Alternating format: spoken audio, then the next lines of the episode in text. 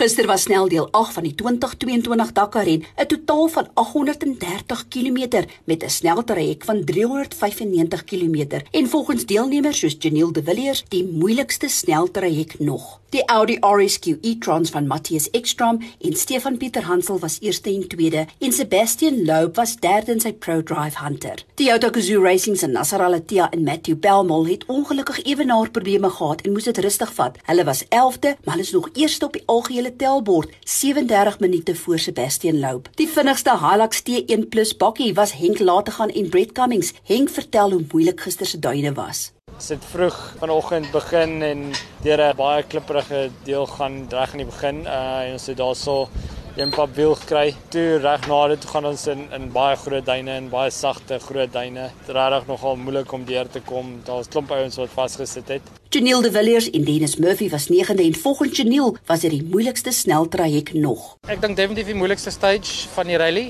Ehm um, vir al die eerste 200 km die duine was geweldig moeilik. Baie sagte sand. Ehm um, ons het een papwiel gehad uh, na 40 km.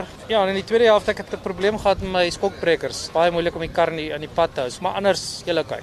Shamir Variawa en Dani Stassen was 18de. Die vinnigste CR6 was gister Matthew Serradori. Hy was 7de en tans 10de algeheel. Die res van die Century Racing CR6se het nog 'n paar uitdagings gehad. Brian Barguana en Leonard Kramer het vasgesit in die sand. Hulle was 27ste. Chris Visser en Rodney Burke het 'n sloot geslaan en hulle wielnaaf gebreek. Ernest Roberts en Henry Cohn het gerol en Marcelo Garsaldi het ook vasgesit en 'n paband gehad. Maar hulle en Skalk Burger het die sneltraject suksesvol voltooi. PS Laser Racing se Daniel Schroeder en Ryan Bland het terwyl almal gesukkel het, 'n goeie dag gehad. Hulle was 32ste en hulle gemodifiseerde Navara vertel vir ons die storie terwyl hulle dans in die sand.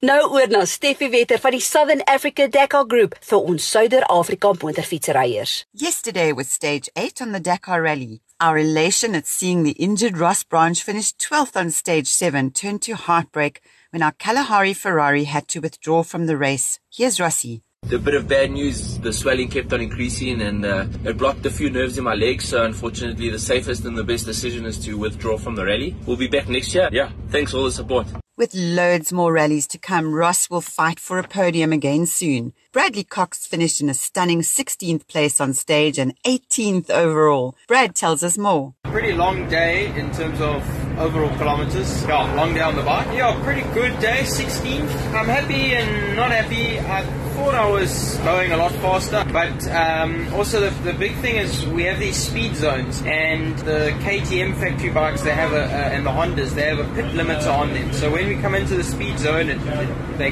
press a button, and then they can ride at. So if it's a 30, they can ride at 28 because the limiter stops them. So they can just go along, and they know they're not going to get a speeding penalty. Whereas I'm with my hand trying to go 25, 26, 27, you know, because 28 is really close to getting a penalty. Yeah, good day. So 16th on the day and still 18th overall. So. Erin Murray placed 21st, Sharon Moore in 44th, John Kelly in 47th, with Stuart Gregory 83rd, Walter Blanche 91st, Wagner Kennedy in 105th, and Paulo Oliveira in 114th place. Stage 9 looms, a loop of 490 kilometers, a 203 kilometer liaison with 287 kilometers of special stage around Wadi Al Dawasir. Navigation is key on this difficult stage. Ek is Janet van Wiele twee wiele and this is Steffi for the Southern Africa Dakar Group vir Dakar 2022. Tot môre, hou jou wiele aan die rol.